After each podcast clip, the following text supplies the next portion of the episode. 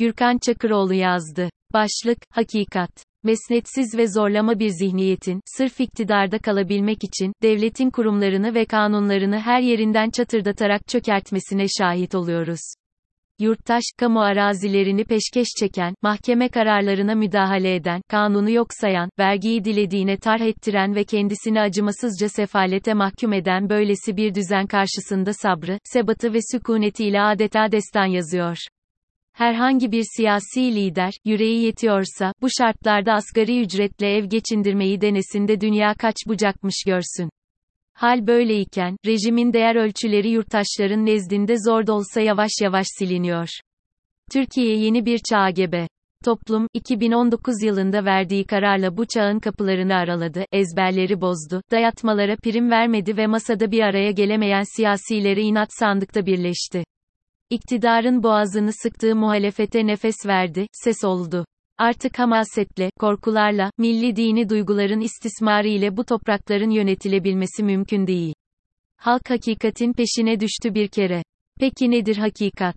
HDP bölücüdür. Türkiye'yi parçalayacaklar, söylemi mi? Ya, bölücü olan HDP değil de AKP, MHP, CHP veya İyi Parti ise. Ya hakikat buysa, insanların farklı olan kimliklerini ister etnik köken ister inanç temelli olsun olduğu gibi kabul etmek mi bölücülük? Yoksa onları değişmeye zorlamak, tek tipleştirmeye çalışmak ve bu zorbalığa direnen insanları da ayrıştırıp onlara zulmetmek mi? Ceketinde bayrak rozeti ile gezen birçok politikacının derdi Türkiye değil. Türklük veya dindarlık çeşmenin başını tutmak için bu çeşme kimisi için para kimisi için makam ihtiyaç duydukları etiketlerden ibaret. Ne Oğuz'un töresini ne de Allah'ın kelamını biliyorlar. Dertleri memleketin değil koltuklarının bekası. Toplumun farklı kesimleri arasında sorunlar çıkararak veya tarihsel acıları zinde tutmaya çalışarak yurttaşın kalbine ve zihnine zehir enjekte etmeleri de hep bundan. Oysa ki HDP'nin laiklikle sorun olmadı, AKP ve türevlerinin oldu.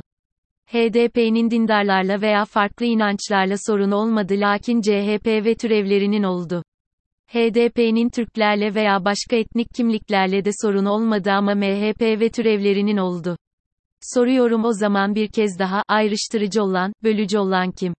Esas Türkiye'lileşmesi gerekenler kimler?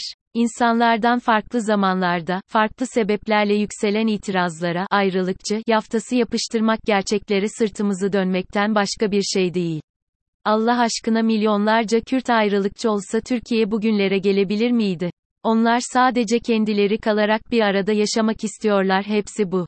Millet olabilmek için din veya dil birliğine değil birbirimizi görmeye, duymaya, dinlemeye ve anlamaya ihtiyacımız var. Bunu başarabildiğimiz an, geriye kalan ve sorun gibi görülen her türlü itirazı veya isyanı itina ile çözebileceğimize şüphe yok. Ayrıca itirazların ve isyanların müsebbibi de edenler değil edilen. Bir diğer hakikat de bu. İdare eden, adaletle hükmetme eylemini beceremiyor. Her anadan doğanı bir diğeriyle eşit görmüyor. Özgür düşünceden korkuyor. Ekonomik olarak fırsat eşitliği yaratmıyor. İnancın birini diğerinden üstün tutuyor. Yurttaşı da bu yarattığı zulme biat edip etmemesine göre özde veya sözde olarak ikiye ayırıyor. Böyle bir devlet, milletine huzur ve refah sunamaz, sunamadı.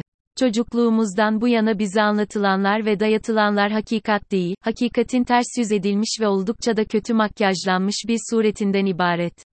Kürtlerin, Türklerin, Çerkeslerin, Ermenilerin, Rumların veya Lazların kendi kimlikleri, iradeleri, dilleri ve kültürleri var. Lakin daha da mühimi bunların her biri kendi içinde özgün olmakla birlikte, bin yıldır bir arada olmamızın verdiği karşılıklı yaşanmışlıklarla, geçişlerle ve birbirlerinden beslenerek, esinlenerek bugünkü hallerini aldılar. Bu hamuru hep birlikte yoğurduk. Çocukluğumuzdan bu yana bize anlatılanlar ve dayatılanlar hakikat değil, hakikatin ters yüz edilmiş ve oldukça da kötü makyajlanmış bir suretinden ibaret. Biz, farklılıklarımızla birlikte, birbirimizin gölgeleri ve suretleriyiz. Parçalardan oluşan bütünün muntazam şekilde zuhur edebilmesi için her kimliğin en kuvvetli şekilde kendisi olabilmesi, kalabilmesi gerekiyor. Güçlü ve kendine güvenen bir milli kültür ancak böyle inşa edilebilir. Burada en büyük görev elbette siyasete düşüyor.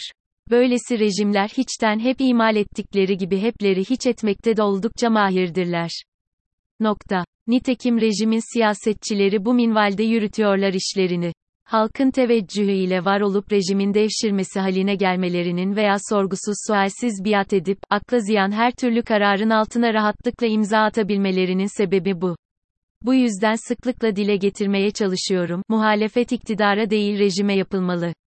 Bu yüzden Selahattin Demirtaş'ın Halk TV'ye verdiği röportaj çok kıymetli https halktv.com.tr slash gündem slash demirtas tire silah tire meselesini tire kalici tire diyalogla tire kozebiliriz tire 684929 hesa parantez demirtaşın açıklamalarını HDP'nin tutum belgesinden ayrı düşünmemiz mümkün değil.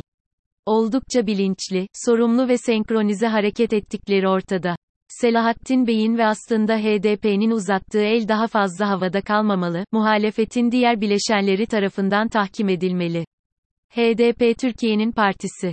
Bizler, kendimizle hesaplaşarak ve hakikatle yüzleşerek, Çanakkale'de yan yana yatanların torunları olarak bugün, ay yıldızlı al bayrağın altında omuz omuza yürüyebilmeliyiz. Bu yolculukta ittifakımız ayrı olsa da istikametimiz bir olmalı, kazanan Türkiye olmalı.